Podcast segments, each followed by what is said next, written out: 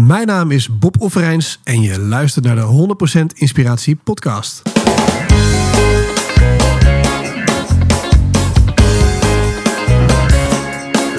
Hey, wat goed dat je luistert. Hij staat weer voor je klaar. Je wekelijkse dosis inspiratie is weer daar. De allerleukste gasten geven al hun kennis prijs. Met je veel te blije host, hij praat je bij. Zijn naam is Thijs. Thijs, Thijs,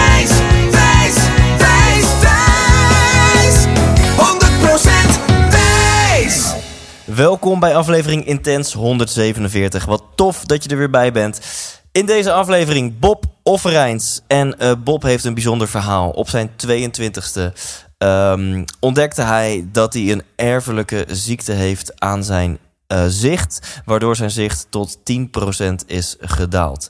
Ehm, dat heeft natuurlijk een mega impact op jouw leven. En in eerste instantie eh, zag Bob eigenlijk alleen maar wat hij allemaal niet meer kon, tot hij iets aan zijn mindset deed en vooral begon in te zien wat allemaal wel nog mogelijk is. En inmiddels is, eh, is Bob succesvol coach of counselor, zoals hij het noemt. En we gaan het hebben over heerlijke dingen. Over hoe je een goed gesprek met jezelf kunt voeren. Hoe dat voor hem heel belangrijk is geweest in zijn eigen ontwikkeling. We gaan het hebben over het vak coaching. En we hebben misschien wel de meest bizarre winactie tot nu toe. Check thijslindhout.nl slash bob. Uh, want daar vind je gewoon helemaal gratis een pdf. Uh, genaamd Vind jouw drijfveren. Dus ben je op zoek naar jouw passies, jouw energie, jouw drijfveren. Daar heeft Bob een uh, testje voor gemaakt. En die staat helemaal gratis voor je klaar op thijslindhout.nl slash bob. Maar ook een te gekke winactie. Waar je in dit interview en ook zeker in de outro achterkomt. Um, Bob Overijns, bedankt voor je tijd en eer dat je plaatsneemt in deze podcast. En voor jou als kijker of luisteraar, ga ervoor zitten. Hopelijk raak je geïnspireerd. Hier is Bob Offerijns. 100% Thijs. Ja, Bob, je zit tegenover mij. Ik zit hier op jouw, uh, jouw kantoor. Mm -hmm. Waar je, zoals we het net al uh, over hadden, een soort van hybride vorm doet van uh, coaching, therapie, oftewel counseling. Mhm. Mm -hmm. Gaan we het natuurlijk ook over hebben.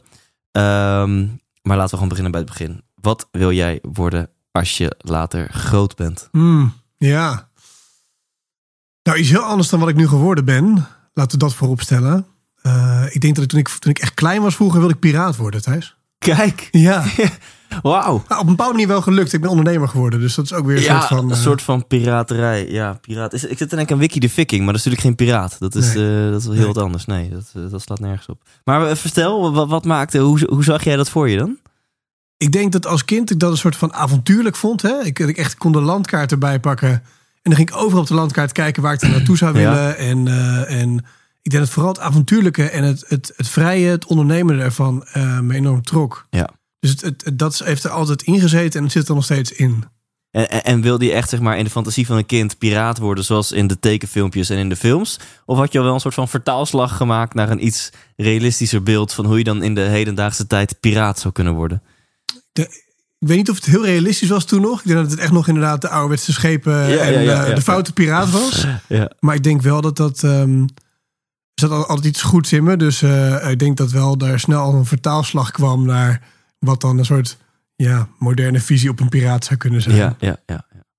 Niet dat je met een haak en een ooglapje op een boot Nee, staat en nee, maar- af te schieten, dat soort dingen. Nee, meer rebelleren denk ik. Dat ja, ja, Ja. mooi.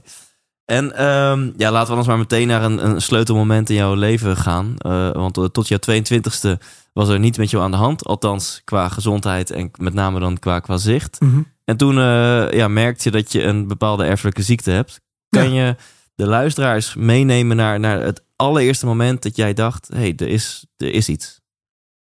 Ja, dat, dat is inmiddels dus bijna twaalf jaar geleden, 2007. Eh, Een beetje niets vermoedend. Ik, eh, ik ga naar een opticien voor een, eh, voor een check en ik blijk slechter te zien. Ik ben echt een rasoptimist, hè, dus voor mij was het soort van: oké, dus volgens opticien is iets met mijn ogen mis, maar ik kom wel goed. Ja.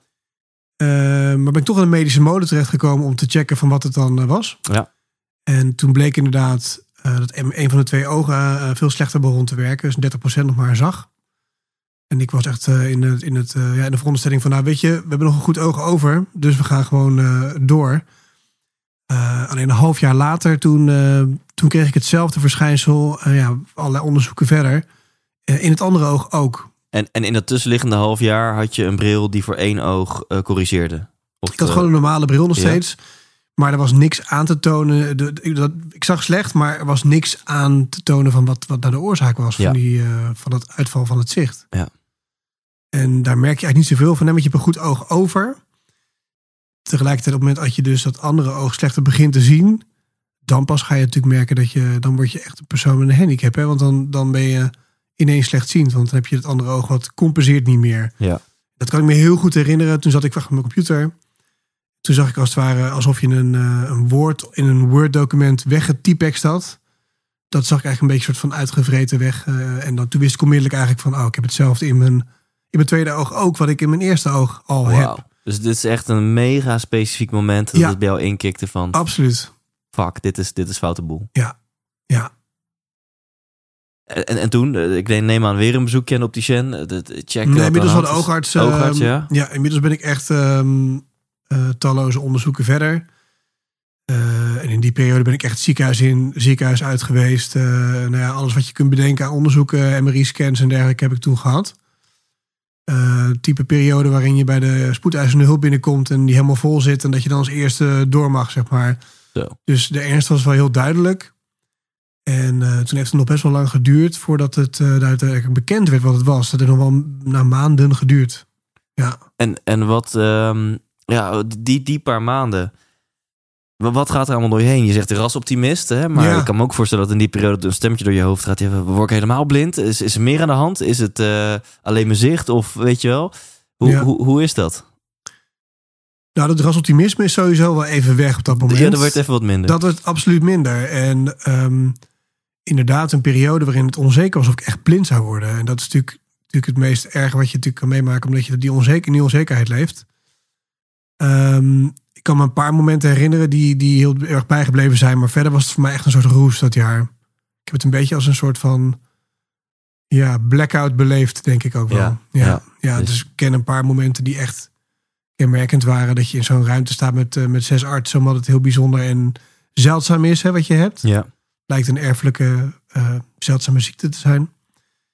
Dat weet ik nog wel, die sleutelmomenten. Maar verder, ja, dat, dat is echt een soort van eh shock. Bizar, bizar. Ik, ik heb Jozef Oebelkas geïnterviewd. Die heeft eh, onterecht in een Marokkaanse gevangenis vastgezeten. Mhm. Eh, tien jaar celstraf heeft hij gekregen. Mm. En die vertelt ook dat hij van de eerste drie maanden in die gevangenis niks meer kan herinneren. Een soort van blackout.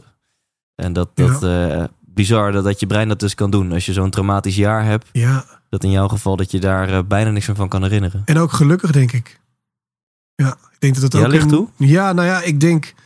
Daar loop ik een beetje voor, voorop op, eh, op zaken, denk ik. Maar ik Go denk, ahead. ik denk dat dat ook iets is wat je, wat je geest doet om je te beschermen. Ja.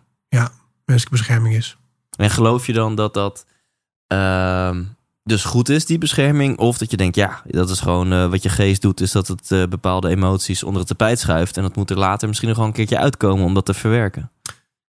Ehm, dat, hangt, dat hangt er vanaf. Hè. Dat, dat sla je op in je onderbewuste. En ik denk dat dat zeker goed is op het moment dat je dat echt belemmert. Dat je dat gaat opzoeken, gaat uitzoeken en aan gaat pakken.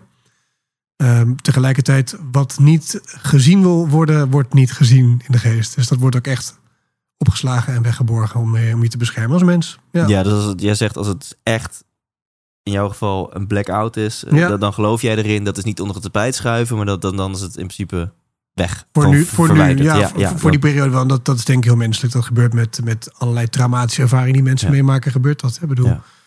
eh, in alle situaties. En ehm, eh, misschien eerst misschien even fijn eh, voor, voor, de, voor de luisteraar of kijker, want de GoPro loopt ook gewoon mee. Ja. Of om, om eens even te vertellen hoe het dan nu met jou gesteld is, zeg maar. Wat, wat, wat, bleek er uiteindelijk aan de hand te zijn en, en hoe zit, zit Mhm. het nu met, jou, Mhm. met jouw zicht? Want dat verklaart denk ik ook een hele hoop vervolgstappen die je hebt gezet en hoe jouw leven er nu uitziet. Ja. Ehm, nou, mijn, mijn, mijn zicht is gestabiliseerd. Het is heel progressief hard achteruit gegaan. En daarna is het, heeft het zich gestabiliseerd, gelukkig.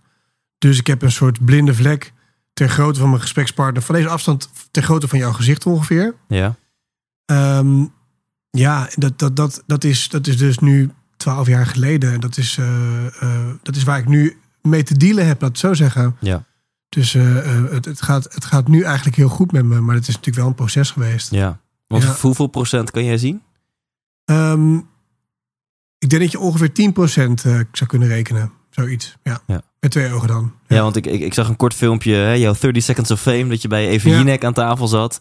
En nou, mensen kennen dat programma ongetwijfeld, dus je weet een beetje daar de, de tafelschikking. En eh, toen vroeg Eva ook, kan je mij nu zien?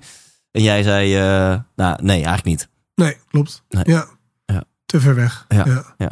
En 22, weet je wel, dan ben je jong, je wil feesten, je Hmm. wil eh, versieren, je wil student uithangen, je wil eh, toffe vakanties doen naar eh, wat ik voor waar allemaal. En ineens binnen een half jaar, jaar tijd neemt je zicht dus af tot 10%. Ja. Wat, wat, wat deed dat met jou? In eerste instantie was er vooral heel veel verdriet, boosheid, teleurstelling eh, van hoe je leven op dat moment gelopen is. Ehm ik kwam terecht bij een revalidatiecentrum. Hè. Je wordt weggestuurd bij een arts van nou, dit is het, hier moet je mee doen en eh, succes bij het revalidatiecentrum. En ik denk dat ik vooral in de eerste, eerste tijd, het eerste jaar bezig ben geweest met weer opnieuw leren geloven dat er mogelijkheden waren. Want op dat moment denk je gewoon van nou, dit was het. Hè. Je, je leven zoals je je voorgesteld hebt. Er is een soort enorme teleurstelling in hoe het gelopen is. Dat is denk ik vooral een belangrijke, belangrijk gevoel wat je dan naar voren, Ja. naar voren komt. En die teleurstelling is dat richting de situatie of richting het universum of ik weet niet waar je in gelooft, weet je, Mm. kon je die teleurstelling adresseren? Ja, ik denk altijd wel dat ik redelijk de, de regie bij mezelf heb gelaten. Hè? Van, van oké, ik, ik weet wel dat ik, dit, dat ik een gevoel heb van teleurstelling.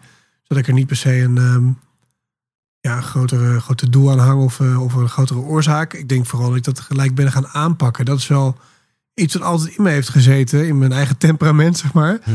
Om er gewoon het first wel aan te werken. En om gewoon gelijk te zeggen, ik heb wel hulp nodig. Ik heb therapie nodig. Ik wil, wil dit aanpakken en proberen, ja, proberen een plek te geven. Klinkt een beetje, beetje cliché term, maar het is niet voor niks een cliché natuurlijk. Ja. Is het een plek geven? Ja. En, en, en is dat dan, ben je dat echt meteen gaan doen? Of heb je eerst eh, een periode gehad dat je gewoon, die die teleurstelling noemt, dat, dat, dat, dat je gewoon even boos was en dacht, krijg allemaal de tering maar. En dit, dit was het eigenlijk voor mij. Het was een beetje een afwisselende situatie. Dus de ene keer had ik inderdaad zoiets van eh, eh, boosheid, teleurstelling en laat allemaal maar. En de andere keer had ik juist wel een soort vechtlust. Dus ik ben wel vrij snel, gelijk al daarna, ehm, zeker na de diagnose uiteindelijk eh, in dat jaar en laat dat jaar, ben ik wel gelijk gaan kijken naar van oké, welke stappen kan ik zetten om in ieder geval mijn leven weer een beetje eh, en niet, niet per se om weer gelijk in actie te komen, maar om weer te, op, op te staan, denk ik. Ja, Ja. ja. En, en kan je ons meenemen in dat proces? Want we maken allemaal tegenslagen mee. Ja. Ehm, en het is denk ik heel inspirerend voor mij en voor de luisteraar om te horen hoe jij dan met deze ferme tegenslag om bent gegaan. Mhm. Al- Allereerst denk ik dat therapie voor mij een enorme uitkomst was om echt gewoon eh, aan te gaan van wat voel je op zo'n moment. Hè? Wat, wat, voor gedachten heb je over jezelf? Wat voel je? Eh, ik kan me nog goed herinneren dat ik echt met, een, met mijn therapeut Rien post-itjes aan plakken was van wat voel ik eigenlijk? Hè? Ik voel verdriet, ik voel teleurstelling, ik voel boosheid. Hoe kan ik daar weer een, weer een positieve emotie tegenover zet- tegenover zetten? Wat, wat, wat kan ik eigenlijk allemaal nog wel? Hè? Die zit heel erg in een soort van mineur waarbij je denkt wat je allemaal niet meer kan. Ja. Wat allemaal niet meer mogelijk Ja. is. Dus de eerste stap voor mij was wel om het eh, toe te laten, uiteraard ook wel. Hè, toe te laten dat het gewoon heel verdrietig mag zijn. Maar laten we eerlijk zijn, het is gewoon ontzettend kloten, om even zo te zeggen. Ja.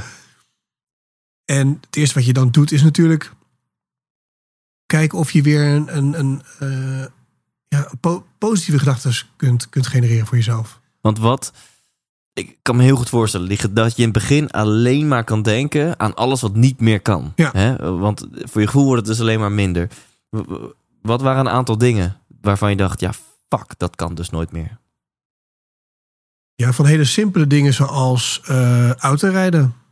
Ik, eh, ik vond autorijden ontzettend leuk en deed heel graag. Gelukkig heb ik vroeg mijn rijbewijs gehaald. En dat kon gewoon niet meer. Was gewoon klaar, weet je. Ik kon, eh, ik kon binnen een, eh, nou ja, laten we zeggen, toen het tweede oog begon, kon ik binnen een eh, week geen auto meer rijden. En dat was heel confronterend. Dat is iets eenvoudigs wat je natuurlijk, Ja. wat, wat heel veel mensen natuurlijk als een normaal goed zien. Ik heb een auto voor de deur staan, daar stap ik in, daar kan ik mee rijden. Ik zou het nog kunnen, maar dat zou heel spannend worden, kan ik je vertellen. Dus theoretisch gezien kan ik nog auto rijden. Maar dat aan de ene kant is heel, als heel eenvoudig, bazaal, basale, ja, eh, eh, iets waar je vrijheid mee kunt genereren. Tot aan de andere kant dat ik eh, midden in mijn, in mijn eh, la- laatste fase van mijn studie zat. En dacht van nou, eh, gaat ooit iemand mij nog in die arbeidsmarkt aannemen überhaupt? Kan ik überhaupt nog een baan krijgen in mijn huidige Ja, toestand? ja. Dus Ja. eigenlijk alle gebieden van het leven. Ja, Ja, ik weet niet of je toen een tijd een vriendin had, maar misschien dat ook dat iets was waar je eh, onzeker over werd. Nou, dat- absoluut. Hè. Die, die had ik wel op dat moment. En die heb ik heel veel steun uit gehad. eh, die heeft mij enorm geholpen ook daarbij. Ehm, maar het maakt je überhaupt als mens gewoon heel onzeker. Hè? Want je, ehm, eh, door, door het uitvallen van een zintuig, zoiets bazaals als een zintuig, heb je toch een soort, voel je toch zo'n minderwaardigheid. Hè? Denk je toch van, nou ja, ik kan heel veel dingen dus niet meer. Dus ik, ik doe onder voor, ja, dat is goed, dat, is- dat is tussen je oren, hè? maar dat, Ja. dat, je doet onder voor de ander. Ja. Ja, zo, ik, kan, ik kan een vrouw minder bieden dan een man die wel gewoon goed kan zien. Dat zijn ja. gedachten die door je heen gaan. Absoluut, ja, tuurlijk. Ja. Je denkt ook van, nou, waarom zouden ze met mij zijn en niet een man uitkiezen die gewoon achter het stuur stapt? Of ze wel kan zien aankomen van, eh, van drie meter afstand. Ja. Even heel simpel, ja, gekscherend gezegd. Ja, ja, ja. En je zegt het als een vanzelfsprekendheid, maar dat is het niet. Je bent hulp gaan zoeken. Hè, dat dat eh, eh, is geen vanzelfsprekendheid. Je bent Nee. in therapie gegaan. En Mhm. een van de eerste dingen die je bent gaan doen is dus in plaats van kijken naar wat je allemaal niet meer kan, ben jij gaan kijken naar wat allemaal wel nog kan. Ja, en dat is ook, ja, dat, dat zeg je, dat is een vanzelfsprekendheid voor mij. Aan de andere kant, ik denk dat ik zodanig in de put zat dat ik wel moest. Misschien is het meer een soort moeten geweest dan Ja. dat ik dacht van, oh, ik ga eens lekker in therapie. Want het is Nee, natuurlijk, een, een, Ja. eh, eh, voor niemand is dat een, eh, een makkelijke stap, hè, om te zeggen van, ik heb hulp nodig. Ik, ik, ik kan het zelf niet meer oplossen. Hè? Dat is natuurlijk wat je eigenlijk zegt. Hè? Je gaat naar een therapeut omdat je gedemoraliseerd bent over het leven. Je denkt gewoon van, ik weet gewoon even niet meer hoe ik het zelf op moet lossen. Ja. Maar ik moest wel, want ik had zo'n. Mijn leven was zo eh, min, min vijf gevoelstemperatuur. Ik had geen andere keus. Ja. En, en wat heeft dat jou gebracht? Wat, het, wat het mij gebracht heeft, is, is heel veel eh, herwonnen zelf, zelfwaardering, zelfwaarde. ehm, verdriet leren hebben. ehm, mijn emoties beter leren herkennen en ook erkennen dat ze er zijn. Ik bedoel dat. eh, ik denk dat me überhaupt een beter mens gemaakt maakt in dat opzicht. Want ik ben. Ja, ik denk dat ik voor, voordat ik dit kreeg, misschien één keer in de vijf jaar een keer een traantje wegpinkte. Ik denk dat het me juist wel heel veel heeft geleerd over alle emoties die je ergens opslaat en, en niet durft te uiten. Dus Ja. ik, ik- het heeft me uiteindelijk een, ja, een, een zo krachtige als kwetsbare mens gemaakt. Ja, Dus je bent, ehm, wat ik hierin hoor, je bent dichter bij je gevoel gekomen. ja. ja wat, wat dan ook essentieel is op het moment dat je zoveel, ja, zo'n lading meekrijgt van verdriet natuurlijk eh, als je zoiets meemaakt. Ja. En tegelijkertijd gun ik dat iedereen wel dat je daar beter bij kunt. Hè? Ik bedoel, we hoeven niet allemaal huilend over straat te lopen. Maar het is wel fijn als je erbij kunt bij het gevoel wat, wat je hebt. Ja. En, en, en heb je daar dan nu al, eh, door, door je eigen ervaring, en we zijn inmiddels twaalf jaar verder, he- heb je daar wat, wat inzichten over voor mensen die kijken of luisteren? Van hoe kan je makkelijker bij je gevoelens komen? En misschien wel specifiek voor mannen, want ik denk over het Ja. algemeen, ik spreek dan ook zeker namens mezelf, dat mannen daar meer moeite mee hebben dan vrouwen om een potje te janken of om Ja. bij je gevoel te komen. Ja, er zijn niet voor niks zo weinig mannelijke coaches, counselors en therapeuten. Hè? Dus eh, Ja, Ehm, ja, ik, ik, nou, ik geloof wel dat we, dat we als man geleerd worden om vooral sterk te zijn en niet te huilen. We worden daar echt een beetje op gedrild als kind al, denk ik. Hè, Dat is niet, niet het ouders dat bewust doen, maar onbewust hebben we al die patronen van vroeger al meegekregen. Dus ehm, wat ik zelf geleerd heb, is dat eh, kwetsbaar zijn of, of verdriet of gevoelens, hè, gewoon gevoelens toelaten, dat het niet betekent dat je zwak bent. Ik denk dat dat een belangrijke ehm, ja, besef voor mezelf is. En wat ik ook mannen mee wil geven. Dat het oké is om te voelen en dat ook toe te laten. En dat dat niet betekent dat je gelijk een, eh, nou, een mietje bent bij wijze van spreken. Hè, wat we ook wel eens eh, willen horen in de, in de samenleving. ja. Ehm, dat is een belangrijke, ehm, ja, belangrijke... Dus da- daar begint al bij de overtuiging dat je niet zwak bent als Ja. je je gevoelens toelaat. ja, ja, Ja. dat het ook krachtig kan zijn. Ja. Ja. Ligt aan, het ligt helemaal aan hoe je dat, hoe je het eh, zelf erkent of, of toelaat. En hoe je dat dan vervolgens weer in contact met een ander brengt. Hè? Ik bedoel, daar gaat het om. En, en behalve dat je beter in staat bent om je gevoelens toe te laten en te voelen, kun je nog wat meer noemen, eh, eh, of wat meer verschillen noemen als we het hebben over de Bob voor je 22e Mm. en daarna. Mm, Eh, ja. op, op welke gebieden is, jouw is jouw jouw levensvisie of jouw mindset veranderd? Ik, ik denk dat ik sowieso ambitieus ben geworden. Ik denk dat ik daarvoor veel meer een mindset had van, nou, we zien wel, weet je, we zien eh, mor- morgen is eh, vroeg genoeg. Ik ben veel ambitieuzer gaan worden, veel meer gaan nadenken over de Ja. toekomst. Hè, van wat wil ik eigenlijk bereiken? Wat geeft me nou, ehm, waarom ben ik op deze aardbol? Yes. Ehm, daar ben ik veel over na gaan denken. Eh, en nog iets simpels, en misschien is het ook wel een beetje slechtziende of blinde eigen. Ik ben ook veel beter gaan luisteren naar wat een ander tegen me zegt. Veel meer nieuwsgierig geworden naar wat een ander te vertellen heeft. In plaats van steeds bezig zijn met, eh, met zenden en met Ja. mijn boodschap naar voren brengen. Wat, wat Ja. heeft die ander te melden? En is ook letterlijk je gehoor eh, gevoeliger geworden? Absoluut, ja. Dus je zintuigen pakken ook wel, pak het over. Hè? Dus, dus het is bizar om te merken hoe je, simpel voorbeeld, eh, toen ik net slechtziend werd, stond ik, eh, stond ik zo voor het sleutelgat eh, om mijn sleutel erin te steken, om het een soort van te zien. Nou, ik denk nu dat als, wij, als het licht uitvalt in mijn huis, dat ik alles nog kan vinden. Dus het is een soort, alle zintuigen pakken het op. Hè? Je tast, je geur, je gehoor. Ja. Ehm, ja, mij, mij vallen dingen op ehm, die een ander misschien helemaal niet opvallen. Ja. Ja. En je ambities is toegenomen en misschien je ego is wel wat minder geworden. Je bent ineens geïnteresseerder geworden in wat een ander te vertellen heeft. Ja. Ja. Ja, ja je ego leer je wel loslaten, denk ik, op het moment dat je op zo'n manier geconfronteerd wordt met jezelf. Leer je in ieder geval deels loslaten. Hè? Ja. Ego is ook nuttig, maar voor een deel leer je allerlei patronen loslaten die je helemaal niet meer dienen. Ja, Ja, ja, kan je daar wat meer over vertellen? Want dit, dit vind ik fascinerend iets. Je, Ja. je, je ego leer je wel loslaten. ja. Ehm, ja, hoe, hoe, hoe, hoe- hoe- misschien om te beginnen, ho- hoezo? Hoe, hoezo heb je je ego wel moeten loslaten op het moment dat je, dat je zicht eh, ehm, afneemt tot 10%? ik denk dat je, als je echt kwetsbaar wordt, en dat word je ook op het moment dat je bepaalde dingen niet meer kunt, en je moet om, moet om hulp vragen, je wordt letterlijk gedwongen om hulp te vragen. Eh, hulp vragen is, is zoiets wat, wat, een, wat in eerste instantie een beroep doet op je ego, hè? Ja. want dat doen we liever niet. Er zit Ja. schaamte bij, er zit schuld bij.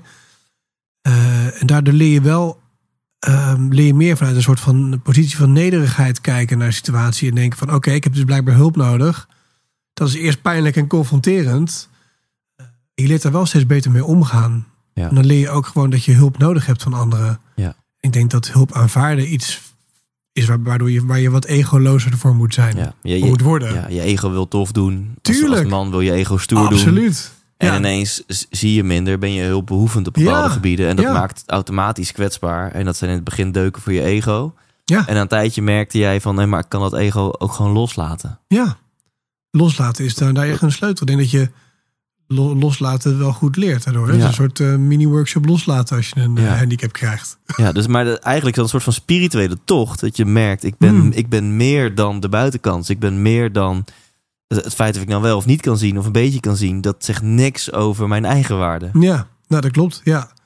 En dat is denk ik voor iedereen een continue zoektocht. Hè? Dat, dat je meer bent dan alleen dat. eh, nou ja, eh, je, je, hebt, eh, je hebt ook de mensen in je podcast gehad. eh, Dat je meer bent dan alleen maar dat ego. Hè? Dat, Ja. dat wat, er- wat er bestaat. Dat is een continue zoektocht. Hè? Ik bedoel, daar, ik pretendeer niet dat ik daar nu los van ben. Hè? Ik denk dat iedereen daar nog steeds continu in, Ja. in situaties tegenkomt waar die dat tegenkomt. Maar het helpt, het helpt wel om los te laten. Als je eh, hulp aanvaarden is ook e- is ego, is loslaten. Ja. Ja. En is dat bij jou een proces geweest? Of heb jij, is er ook een, een specifiek moment geweest waarop jij merkte, van, ik moet, ik moet nu iets, iets loslaten. Ik moet nu echt kwetsbaar durven zijn. Of om hulp durven te vragen. Of, of accepteren dat dit zo is. Ik denk dat, eh, dat, dat het deels een proces is waar je, waar je zeker in de eerste jaren doorheen gaat. Ik, ehm, ik denk dat ik zeker wel vier, vijf jaar nodig heb gehad om gewoon weer op hetzelfde geluksniveau te komen als ik daarvoor ervoer. Hè? Dus ja? het, is niet, het is niet zonder slag of stoot gegaan. Hè? Er er is een, is een punt geweest in mijn leven waarin ik weer ineens het gevoel had van hé, hey, ik kan weer eh, lachen of me blij voelen op de manier zoals ik dat daarvoor deed. En dat heeft Ja. echt wel jaren gekost. Wauw. Tegelijkertijd zit het in hele kleine dingen. Dus je leert ook continu op bepaalde momenten loslaten. Ehm, om hulp vragen op een station. Ehm, eh, op momenten dat je alleen een, trein, een ingewikkelde treinreis moet maken met allerlei aansluitingen. Een herkenningsstok, hè, zo'n rood-witte stok, tevoorschijn halen voor de eerste keer is, is, is mini-vorm van loslaten. Ja. Maar Ja. nou, over ego gesproken. Ja. Dus het is beide, het is procesmatig, maar het is ook, ik kan ook echt momenten herinneren waar ik, waar ik in één keer zo'n enorm overvallen werd door geluk. Van dat ik dacht van, hé, hey, ik ben nu weer op een punt dat ik het weer voel. Ja. Dat ik weer weet van dat ik, eh, dat ik niet meer, eh, dat ik niet ongelukkiger meer ben door deze, wat, door dat wat me overkomen vind het is. een mega fascinerende en eerlijke uitspraak. Dat je zegt, ik heb er vier à vijf jaar over gedaan Ja. om weer op hetzelfde level van geluk te zitten. Ja. En is er ook een verschil? Waar werd jij vroeger gelukkig van en waar word je nu gelukkig van? Zit daar een verschil tussen? Ehm, zit daar een verschil tussen? Ja, er zit wel een verschil tussen. Ik denk wel dat, een, dat mijn eigen gedrag en dat van anderen en dus, dus communiceren altijd al een soort fascinatie van me geweest is, als kind al. Ik heb een hele inspirerende moeder die ook allerlei mensen over de vloer uitnodigde, waardoor ik eigenlijk al heel vroeg met allerlei soorten mensen kennis maakte. Ja. Ehm, wat veranderd is wel, is denk ik dat ik ehm, veel minder de behoefte heb om altijd mensen om me heen te hebben, bijvoorbeeld. Dus ik ben ook, ik ben, ja, je, kent de term misschien wel eh, ambivert, hè? Dus je hebt mensen die Oh ja. deels extra, deels introvert zijn. Wat ik me nu wel realiseer is dat ik ook heel erg oplaat van met mezelf zijn. Of echt even in mezelf keren of alleen zijn. Ja. Dat is wel een specifieke verandering. Misschien wel leuk voor de luisteraar om dat even toe te lichten. De ambivert, want introvert en extravert, dat hebben we allemaal wel een beetje gevoel bij. Ja. Definities zullen verschillen, maar Ja. daar hebben we allemaal gevoel bij. Ambivert. Licht eens eh, toe als je zou willen. Nou, een ambi ambivert is iemand die daar een beetje tussenin zit eigenlijk. Hè? Dus je, ehm, eh, als ik bijvoorbeeld mijn eigen week als voorbeeld moet nemen. Ik denk dat ik de helft van de week heel fijn vind om met veel mensen te zijn. Om met groepen te werken, om met teams te werken. Om eh, vrienden om me heen te hebben. eh, om echt, echt met mensen te zijn. Maar ik heb het liefst de andere helft van de week... eh, ben ik alleen met mijn vriendin bijvoorbeeld? Ben ik alleen in mijn eentje? Ik kan, ik kan gewoon een paar uur in mijn eentje in het bos gaan wandelen, weet je. Dus de ambivert zit daar een beetje tussenin. Dus ik laat op van extravertie. Maar ik moet daar wel heel erg een balans in vinden. Ja. Ja. Ja. En je zei net, geluk zit hem ook in kleine dingen. Ben, je nu meer, kleine dingen meer gaan waarderen? Of, Ja. of, of, of denk je ook überhaupt als tip voor de luisteraar dat ehm, kleine dingen waarderen een heel belangrijk element is in, in gelukkig zijn? Ja, z- zonder heel. ehm, eh, zonder daar heel ehm, existentieel over te doen. ehm, als je iets meemaakt zoals ik heb meegemaakt, dan word je heel snel geconfronteerd met het feit dat iets je zo afgenomen kan worden. Dus als ik voor een groep sta en ik, spreek hierover, ik vertel je regelmatig over. Is een van de eerste dingen die ik zeg, is, is besef je dat het morgen jou kan overkomen. Of je vriend of vriendin of je vader of moeder. Er kan ze allemaal morgen iets overkomen, waardoor je ineens ehm, iets niet meer kunt, een handicap hebt of whatever, weet je. Eh, er kan van alles gebeuren. Daar wil ik niet eh doemdenkerig over doen, maar het heeft mij wel daardoor een lesje nederigheid gegeven over eh, geniet van wat er nu is. Dus ik, ik, het, is. het leven is zo kort. Het is zo voorbij. En het is zo belangrijk om bij spreken te kunnen genieten van dat de zon schijnt. Of ja, het klinkt ook weer heel cliché, maar te genieten van datgene kleine ding. Om ook in, in het moment van, ehm, weet niet, als je wat kinderen hebt, van je kinderen te kunnen genieten. Niet gehaast te zijn.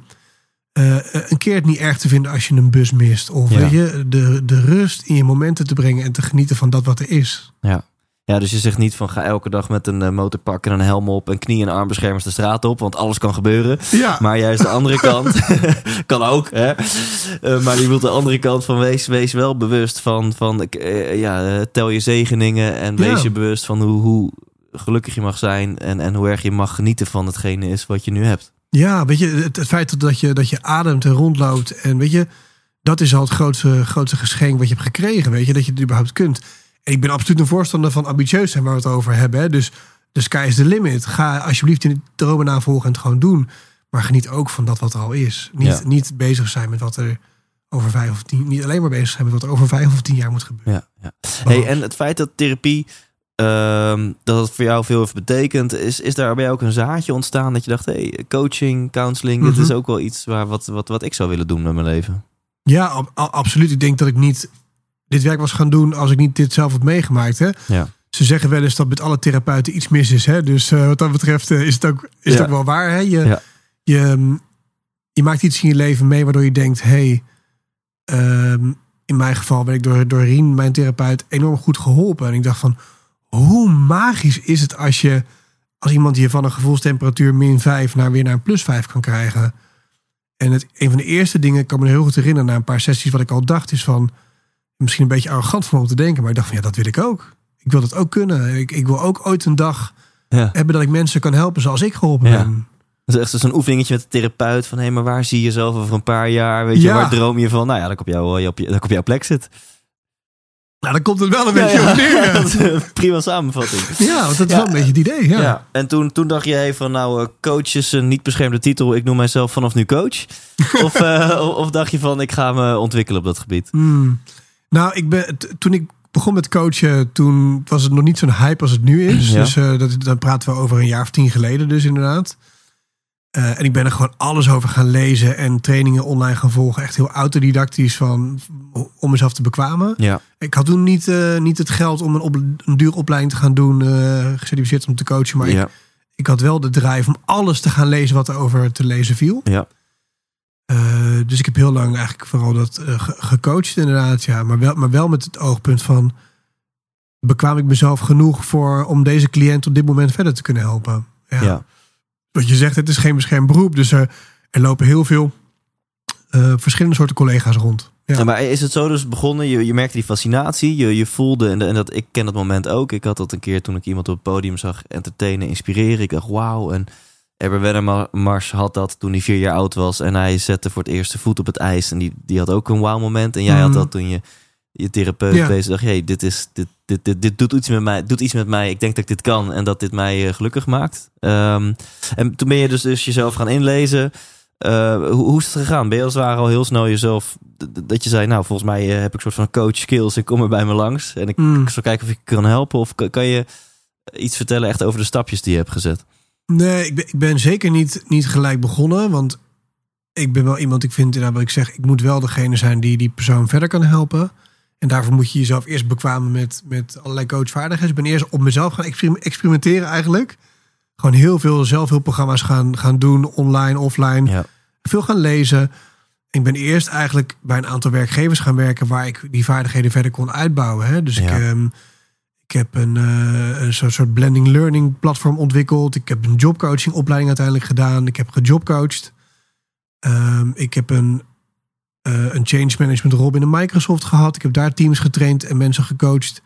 Dus ik ben ook met, met veel mento- mentoren, mensen die heel veel ervaring hebben in het vak, ben ik gewoon eerst eens een beetje het vak gaan, de kunst gaan afkijken, het gaan leren. En vooral heel veel op mezelf Ja. doen voor ik het op de ander ging uitproberen. Ja.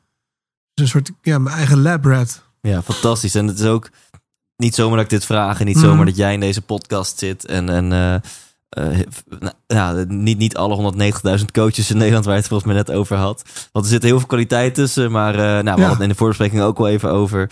Ja, het is een niet beschermde titel. Dus er zijn wat mij betreft ook een aantal mensen in Nederland die zichzelf ineens coach noemen. En dan zou je Mhm. kunnen afvragen, oeh, ja, Hmm. is dat nou wel zo verstandig dat jij andere mensen gaat helpen? En ik Ja. vind het heel tof dat jij vanaf het begin af aan en voordat de hype er überhaupt al was, Ja. het ook als een vak heb gezien van nee, dit is een vak. Die moet ik, dit moet Ja. ik gaan leren. Dit moet ik gaan voelen. Ik, ik moet dit gaan, gaan onderzoeken voordat ik eh, andere mensen kan gaan helpen. hiermee. Ja, ja. Ja. En, en nu zelfs opnieuw weer in een opleiding gedoken ben om, om nog meer kapstok te creëren hè, voor het vak wat ik uitoefen. Ja, en wat je zegt inderdaad, er zijn, ja, er zijn ontzettend veel verschillende soorten coaches. En eh, eh, ik hoop dat ze zich allemaal bekwamen en zich beseffen welke cliënten ze wel en welke cliënten ze niet kunnen helpen. Ja, want we, we- inmiddels ben jij 35 lentes jong. Ja. Ehm, ho- hoe lang ben je al fulltime, zeg maar, eh, coach, trainer, counselor? Geef het een naampje. Maar Ja. dat, dat, dat je, want je hebt bij Microsoft gezeten, gaf je onder andere Ja. aan. Eh, hoe lang doe je dit nu al eh, volledig voor jezelf? Ik ben in 2016 ben ik naast mijn baan begonnen als ondernemer. Dus toen ben ik eigenlijk voorzichtig aan begonnen met dit uitbouwen. Ja. En ik ben nu, ja, anderhalf jaar ben ik nu echt volledig zelfstandig Ja. eh, coach, counselor, trainer. Dus dat ik, dat ik echt mijn, eh, ja, helemaal vanuit mijn eigen bedrijf eh, inricht zoals ik het zelf Ja. het beste vind. Of ik denk dat het beste is, dat zou ik zeggen. Ja. Ik, ik kan je misschien counselor even, want het is een paar keer nu te pas en Ja. pas voorbij gekomen in Ja. het gesprek. Ehm, kan je dat eens, eens, eens toelichten? Ja, het, het heel plat geslagen eigenlijk. eh, je hebt een coach. Een coach helpt je van A naar B. Dus die zorgt ervoor dat jij, nou, hebt- je bent van, eh, dit is je huidige situatie. En dit is je gewenste situatie. En daar wil je naartoe. En eh, daar wil je groeien eh, ontwikkelen eigenlijk. Je wilt, wilt groeien. Het gaat met name bij coaching om, om iemand een stapje verder te helpen. Door een glazen plafond te helpen. Iemand die eigenlijk de, de handvat al zelf wel kan pakken. moment dat iemand dat niet lukt, als die persoon niet van A naar B kan, dat niet lukt, dan ga je naar een counselor. Dus dan gaat een counselor kijkt eigenlijk veel meer naar wat ligt er bij jou aan onderliggende oorzaken, gedachten, gevoelens, gedrag, waardoor je niet in beweging komt. Ja. En het is eigenlijk een heel veilig snijvlak tussen coaching en therapie. Want therapie, dat gaat nog weer een eh, slag dieper.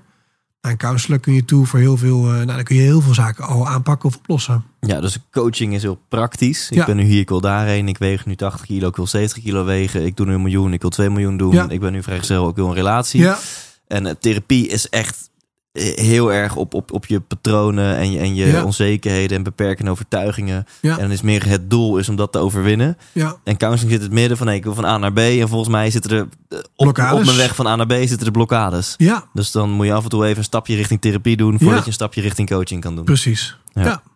ja. Dus dan kun je eigenlijk met die persoon een slag dieper. En dan kun je daarna ook weer coachen. Als, het weer, eh, als die persoon weer op een bepaald fundament gekomen is, kun je weer gaan coachen. Ja. En kun je eens wat vertellen over jouw, jouw me- methode? Eh, want eh, ja, volgens mij vind je het vooral belangrijk dat mensen een goed gesprek met zichzelf gaan voeren. Gaan voeren. Ja.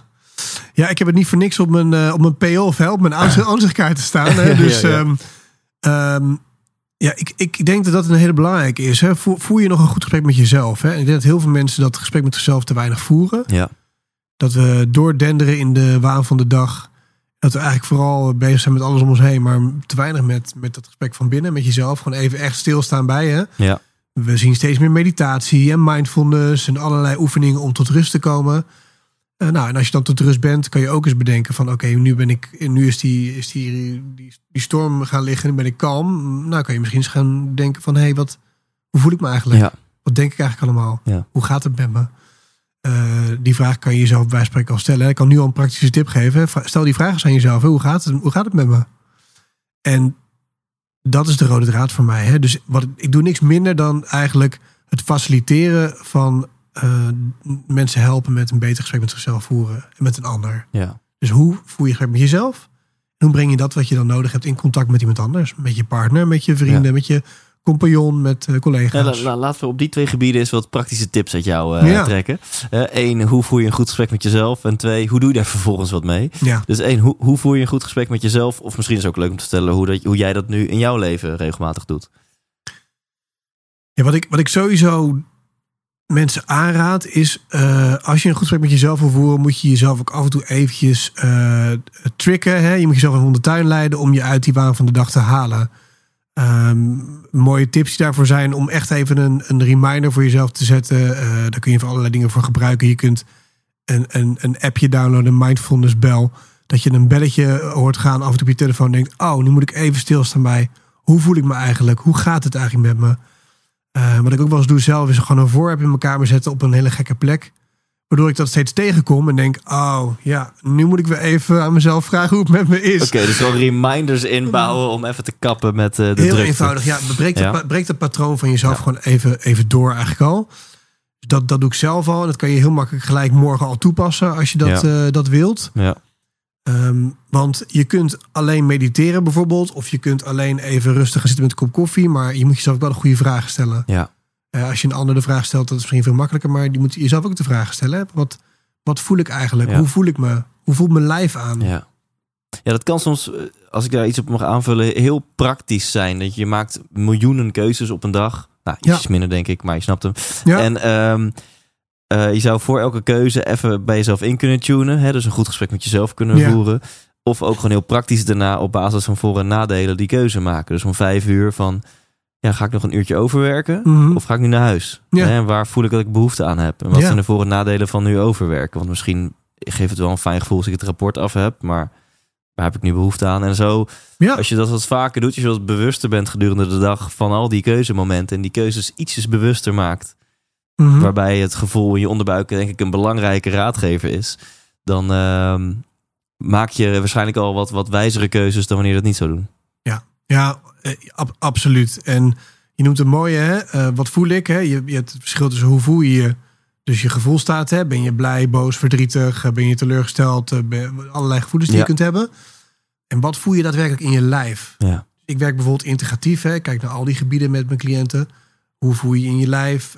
Wat denk je? Hoe doe je, welk gedrag heb je, hoe, hoe sta je in relatie met je sociale context. Maar echt voelen van hoe voel je je en wat voel je dan in je lichaam, zijn we ook een beetje vergeten als mensen. Dus we, we staan te weinig stil bij wat is mijn, mijn, Ja. mijn lichamelijke gevoel nou eigenlijk in de situatie. Ik doe wel eens een oefening met mensen, dan laat ik ze een minuut lang tellen hoeveel, ehm, hoeveel ademhalingen ze doen bijvoorbeeld. Heel eenvoudig voorbeeld. Ja, dat kan verschillen van 3 tot 25 bij wijze van spreken. En dan kan je, en dan kan je al aan merken, eh, puur in je ademhaling, hoe, hoe gestrest of hoe rustig je bent in een bepaald Ja. moment. Ja. We, nemen het helemaal niet meer waar. We zijn helemaal niet meer bezig met dat gevoel in het lijf. En is jouw devies om altijd te luisteren naar je gevoel? Of, want je zegt, hè, wat denk je, wat voel je? Wat- eh, of, of is je advies ook soms, nou ja, het is niet altijd verstandig om te luisteren naar je gevoel. Want soms is het misschien net even wat praktischer om eh, cognitief dan die keuze te maken. Ehm, nou ja, ik, de- ik, ik, ik ben wel voorstander van de, de beide dingen doen. Hè? Dus eh, je, je betrekt je gevoel ergens bij. Ehm, het is ook helemaal niet verkeerd om daar rationeel een keuze te maken uiteindelijk. Eh, vaak vertelt het, dat, dat, die gut feeling, dat die intuïtie, het gevoel vertelt al heel veel. Ja. Als, je daar, als je er echt goed naar luistert. Ehm, het, het is ook luisteren naar hè? de keuze die je vervolgens meemaakt. Ja, dat is, een, dat is een tweede. Maar het wel überhaupt waarnemen, het herkennen bij jezelf. Wat, wat voel ik in mijn lijf? En eh, nou, een voorbeeld. ehm, bepaalde momenten in situaties kan, kan juist een beetje stress in je lijf kan natuurlijk heel erg goed zijn. Hè? We zijn ook weer een beetje nu in een samenleving eh, met alle zelfhulpboeken en goeroes die zeggen van je mag nooit stress hebben. Ja. Je mag prima af en toe gewoon gestrest zijn. Ja. Want het kan heel waardevol zijn om gestrest te zijn als je een trein moet halen of een deadline hebt. Alleen ben je bewust van wat jij, hoe je je voelt en Ja. wat je in je lijf voelt. Ben je daar Ja. bewust van? Hey, en los van die, dit zijn eigenlijk micromomentjes van Mhm. een goed gesprek met jezelf voeren. Eh, heb je ook nog wat adviezen voor macromomenten? Dat je zegt, nou, los van die eh 20 keer op een dag, even die 15 seconden. Mhm. eh, kan je ook op, op een wat, wat groter niveau eh, dat gesprek met jezelf voeren? Je een voorbeeld van een situatie? Nee, meer een vraag of, of je dat doet. Dat je ook, eh, Ja. eh, heb jij daar voor jezelf eh, iets voor bedacht dat je eens in de zoveel tijd zegt, dan ga ik mediteren of ga ik de natuur in? Of Ja. misschien zeg je nee, dat doe ik niet. Ik heb genoeg aan die micromomentjes. Ik ben benieuwd naar jouw visie eh, daarop. Nou, ik, ik vind het zelf wel, en dat is, dat geldt, ja, dat is voor iedereen, iedereen op zich anders. Hè? Maar ik ben zelf wel voorstander van echt even de uitmomenten. Ik kan, ehm, en dat is het voordeel als ondernemer, ik kan best wel af en toe gewoon een middag of een, of een ochtend of soms een dag ertussenuit. En dan denken van, nou, nu moet ik gewoon even niks doen. Moet ik even Ja. naar het bos in. Ja.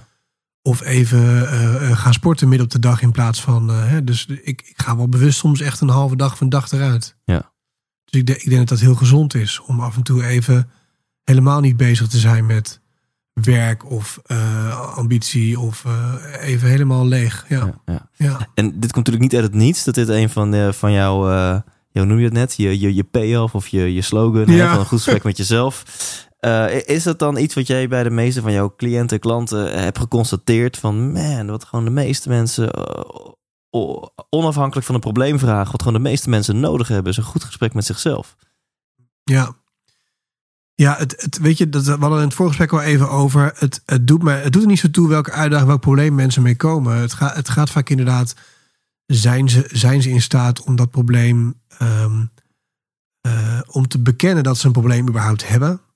Dus dat gesprek met zichzelf starten al, hè, van nou, Ja. ik, eh, ik beken bij mezelf, hé, hey, ik heb toch wel een probleem. Ik heb toch wel een uitdaging, waar, waar iets waar ik tegenaan loop. Ja. Eh, dat te gaan herkennen in de situatie. Dus in welke situaties heb ik nou eigenlijk dat probleem? Wanneer speelt het op? Speelt het in alle gebieden in mijn leven? Of speelt het alleen in een bepaalde situatie? En dan inderdaad, dan daar echt bij stil te durven staan. Hè? Dus dan echt erkennen, oké, ik voel me nou eenmaal in een bepaalde situatie. Bijvoorbeeld, ben ik nou eenmaal angstig? Bijvoorbeeld, ik ben angstig in mijn sociale contacten eh, als ik nieuwe mensen leer kennen. Of eh, eh, als ik een sollicitatiegesprek voer, dan, eh, dan ben ik bang dat ze me niet goed genoeg vinden. Dat, dat gesprek met jezelf voeren. En daar het net over. Hè, je kan natuurlijk uiteindelijk gewoon een rationele keuze maken. Maar als je, dat, als je het overkomt, als je ergens in een problemen komt, mentaal, dan is het allerbelangrijkste om wel terug te gaan naar dat gevoel wat, wat daar in eerste instantie ontstaan is en dat aan te pakken en op te lossen. Daar iets anders voor, voor te zetten of tegenover te zetten. Ja. Ja. Ja, dus dat, dat is wel het aller, allerbelangrijkste als mensen hier komen. Ja. En ehm, ja, stel dat eh, zo zoals mensen nu denken, hey, dit klinkt tof. Eh, kan, ik, eh, kan ik iets vinden over die Bob online? Of kan ik misschien een, eh, een in- intakegesprek plannen? Waar kunnen Mhm. mensen dat, dat doen? Nou, ze kunnen, Ook sowieso, ehm, ze kunnen sowieso eens kijken naar de, de, naar mijn website. Hè, als ze er meer over willen weten. bobofferijns.nl kunnen ze gewoon kijken, uiteraard. Ik ben op social media te vinden. Ik ben op Instagram te vinden bijvoorbeeld. Eh kun je ook eens even kijken. Maar je kunt ook gewoon, eh, als je het echt al wil aanpakken of eh, wil oplossen, wat er dan zo speelt bij je, hè, dan kan je dan natuurlijk ook gelijk contact opnemen. Dus je Ja. kunt gelijk op mijn website een contactformulier formulier invullen. En gewoon eens op gesprek komen. En eh gewoon me vertellen wat er speelt. Ja, Tof. Hier in Delft. ja in Delft. Tof. Ja. Prachtig. En ehm, ik vind het ook wel tof om af te sluiten met wat, wat praktische tips. ja. En nou is dat wel een heel brede vraag als ik zeg... Hey Bob, heb jij wat praktische tips voor de luisteraar? Hè? ja. Ehm, maar ehm, ja, de- laat ik er bij, eh, bij nou, een aantal voorbeelden noemen. De luisteraar van deze podcast is over het algemeen ambitieus. Anders luister je niet naar deze podcast ja als je wil. absoluut. Dus is op zoek naar balans. Hè? Mm. Hè, Dus je wil, om het heel sexy te zeggen, je wil vlammen zonder op te branden. Je wil kikke dingen bereiken met je leven, maar je wil ook eh, dat je nog s s'avonds een beetje energie hebt om eh, een tof privé sociaal leven te leiden. Ja. Ja. Dus eh, he- heb jij eh, een aantal praktische tips voor het vinden van balans in je leven? Hmm. Ja, nou, absoluut. Hè. Het, eerste, het eerste waar ik aan denk is, ehm, en die lijkt heel ehm, voor de hand liggend, is absoluut alleen maar doen waar je blij van wordt en waar je goed in bent. Ik denk dat, dat we vaak geneigd zijn om van alles aan te bieden, te doen, eh, allerlei werk aan te pakken of allerlei diensten of producten te verzinnen. Ik denk, ga dat ding doen waar je goed in bent. En ga, ga niet meer dan 1, 2, 3 dingen doen waar je heel goed in bent. Ja, Dus focus vind ik een hele belangrijke. focus. En ik denk dat je hiervoor soms je ego een beetje uit moet zetten. Absoluut. Soms krijg je een toffe kans voor je ego, maar het is Absoluut. niet iets waar je heel goed in bent. Ja, Maar en hiervoor moet je ook soms je ruggengraat een beetje gebruiken. Want soms Ja. krijg je een toffe kans en daar ben je misschien helemaal niet goed in. Het is misschien helemaal geen leuke kans. Maar je hebt het gevoel dat iemand anders van jou verwacht dat je dat moet gaan doen. ja klopt. Ja. Eh, ik moet ook soms met pijn en moeite eh, een, eh, een hele goede opdracht eh, vaarwel zeggen, omdat het niet bij me past. En dat vind, ik ook, vind ik ook moeilijk, hè? laten we eerlijk zijn. Iedereen vindt dat moeilijk. Ja. Maar hou die focus. eh, Ja, dus dat is één. Eén zeg je focus. Dus kies twee of drie dingen uit die Ja. bij je passen, die je leuk vindt. En, Ja. en, en, en stick with it. Stick with it, ja. ja. Durf daarin te vertrouwen en in te geloven. Ja. Dat is denk ik een hele belangrijke. Ehm, die tweede is inderdaad echt wel het gesprek met jezelf af en toe aangaan. Dus echt even een, een, eh, een check-in met, je, met jezelf. eh, misschien wel plannen als, je, als het je niet lukt. Hè? Als je niet mediteert of niet aan een bepaald soort mindfulness doet... dan moet je misschien echt wel gaan plannen voor jezelf. Een moment van rust. En je hoeft echt niet in de kleermakers op de grond te gaan zitten. Hè? Dat hoeft niet iedereen te doen. Maar Nee, plan wel een moment van jezelf, voor jezelf van wanneer, wanneer kan ik nou even echt dat... het hoeft eh, niet in de kleermaker zitten, een gewaad aantrekken, Precies. salie branden onder een regenboog. Dat hoeft allemaal Precies, niet. iedereen voor zich. Hè? Iedereen doet wat hij, wat hij doet. Hè? Ik bedoel, ehm, eh, het kan zijn dat je dat moment als je lekker onder de douche gaat staan in bad gaat liggen. Het kan zijn dat je dat gaat doen om, door te sporten, door whatever. Maar Ja. dus pak dat moment waar je even tot rust komt en, Ja. en bij jezelf te raden gaat. Van, hè, hoe voel ik me eigenlijk? Wat, wat komen er voor gedachten voorbij? Wat, hoe voel ik me eigenlijk? Waar, voel- waar voel ik allemaal dingen in mijn lichaam? Waar Ja. voel ik fijne dingen? Waar voel ik minder fijne dingen? Ja. Dat vind ik een hele belangrijke. En de, de derde, en dat is iets wat ik uit ervaring geef eh, vanwege mijn eigen, nou ja, de, de heftige dingen die ik heb meegemaakt, is ehm, niet te hard voor jezelf zijn. Ik denk dat veel mensen, ambitieuze mensen vooral, hè, Ja, heel hard voor zichzelf zijn. Dat het allemaal zo eh, perfect moet zijn. Dat ze nooit een fout mogen maken. Kijk, inmiddels heeft onderzoek natuurlijk uitgewezen dat fouten maken gewoon hartstikke nuttig is. ja. Niet, wees niet te hard voor jezelf. Wees ook oké met dat het af en toe niet, niet lukt of niet werkt. Of dat je er af en toe even niet uitkomt. Durf dat gewoon ook te, te erkennen dat je af en toe even...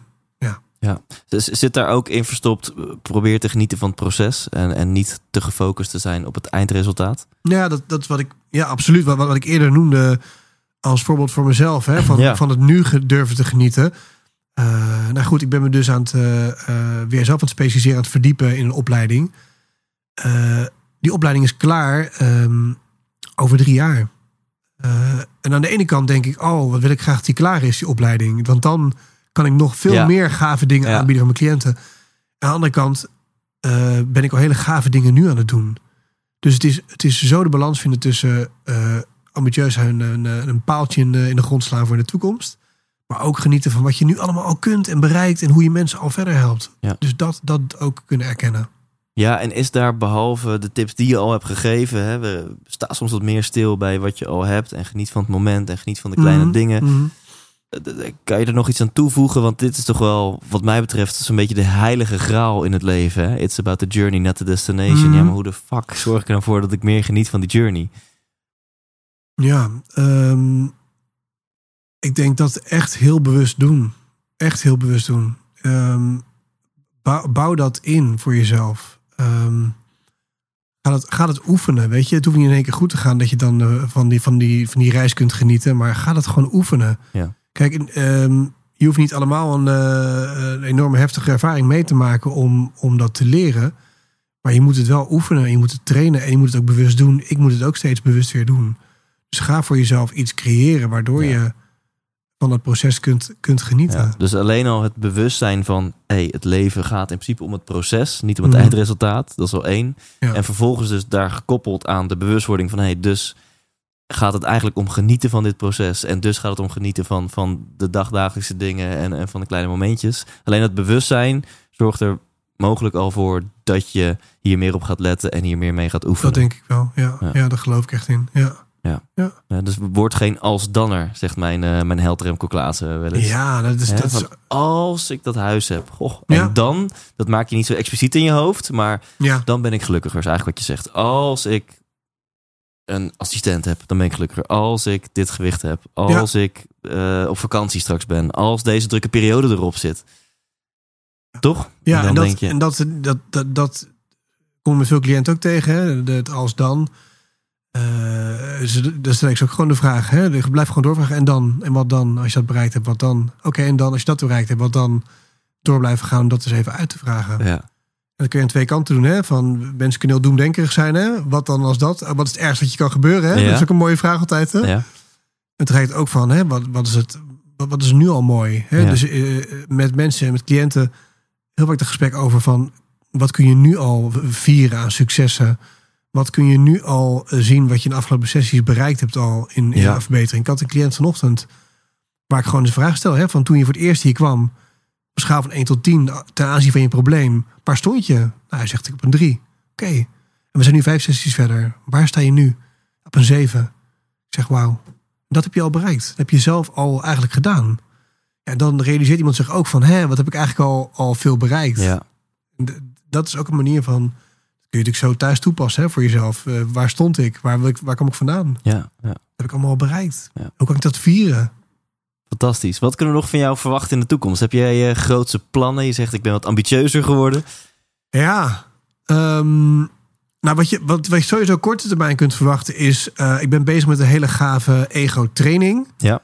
Ehm, dus echt een, een groepstraining waarbij ik ga kijken met je van, nou, hoe herken ik nou mijn eigen ego-patronen en hoe kan ik dat in contact brengen met de ander? Hoe kan ik dat herkennen en, en aanpakken? En hoe kan ik dat in contact brengen met de ander? Want je Ja. er wordt heel veel over ego eh, aan zelfhulpboeken van goeroes en dergelijke. Ik denk dat de sleutel ook zit in de combinatie tussen die dingen. Van Ja. oké, mijn eigen ego, maar dat doet van alles in combinatie met de ego van al die andere mensen. Ja, Daar ga ik een hele gave, eh, gave training eh, voor op de markt brengen. Die ga ik in ieder geval binnenkort afronden. Dus dat kun je in ieder geval van me verwachten.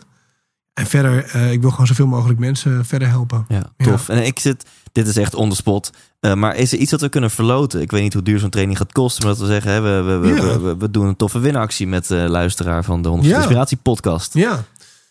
Eh, nou, dat, is- dat is goed. Ik, eh, ik wil zeker wel iets, eh, iets verloten. Ehm, dus laten we dan laten we eens gek doen. Ja, we, verloten een, eh, we verloten een, eh, een, een, een spot. Gewoon een spot in de training. Ja. Sowieso. In deze training. Gaat een halve dag zijn, die training. Dus dat Ja. is super tof al. Tof. En die persoon bied ik ook nog eens drie sessies zelf één op één coaching aan. Oh, wow. Ja. Dit is eh, ter waarde van? Nou, dat is, eh, eens even kijken. Eh, nou, is zo'n eurotje of eh 500, 600 zo. Ja hoor. Niet normaal. Ja. Ja, ik, ik wou dat ik nu als radio-dj zo, eh, net als bij Series Request, zo kaching, zo'n zo'n Jij mag niet meedoen, hè? Oh, ja, want ik, ik heb enigszins wat invloed op... eh, Precies. Nee, ik gooi dit altijd door een randomizer online heen. Ja. Dus ch- check gewoon thijslindhout.nl slash bob. En dan zorg ik dat daar een mooi formuliertje Tof, staat. En ja. dan ehm, wil je dat, dat iedereen gewoon mee mag doen. Dat je alleen maar hoeft te zeggen, dit is mijn naam, dit is mijn e-mail en ik wil winnen. Of wil je vind je het tof als ze ook een motivatie nog toe moeten voegen?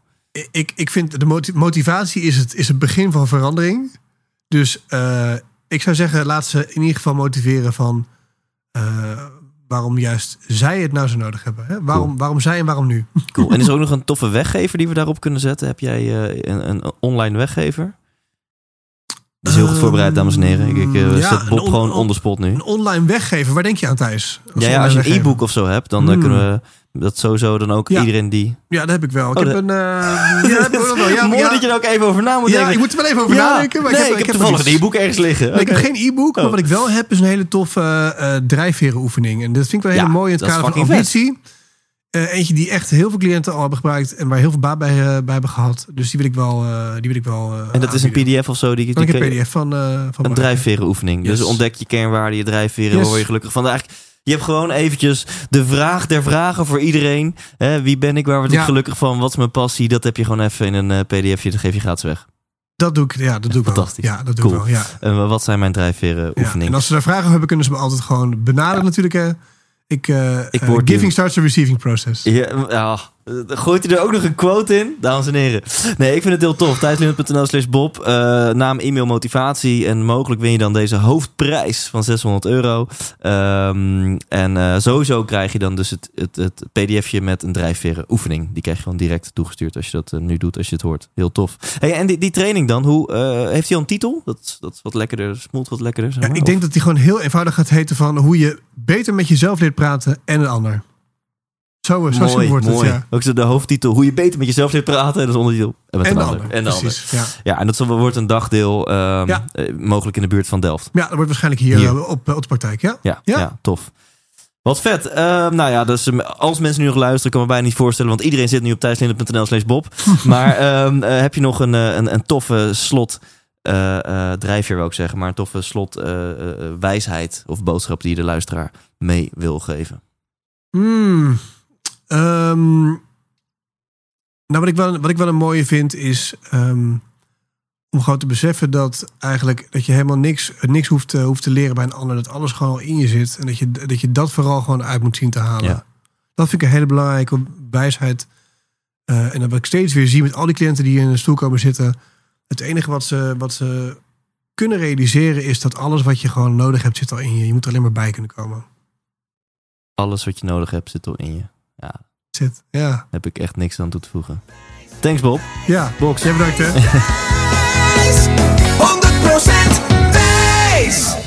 Ja, super tof dat je naar deze aflevering hebt geluisterd. Bedankt Bob voor je tijd en dat je gewoon on the spot zo'n sikke winactie eventjes eh, bedenkt. Dus voor jou als kijker, luisteraar, ga naar thijslindhout.nl slash Bob. Nou, dat lijkt me vrij makkelijk. Want daar vind je gewoon direct na het achterlaten van jouw naam en e-mail en een korte motivatie vind je gewoon direct het gratis eh, e-book, wou ik zeggen. Of eigenlijk de gratis pdf met vind je drijfveren. Eh, je kan natuurlijk ook de motivatie gewoon weglaten. Dan doe je alleen niet mee voor de winactie. Maar ontvang je gewoon wel die pdf met vind jouw drijfveren.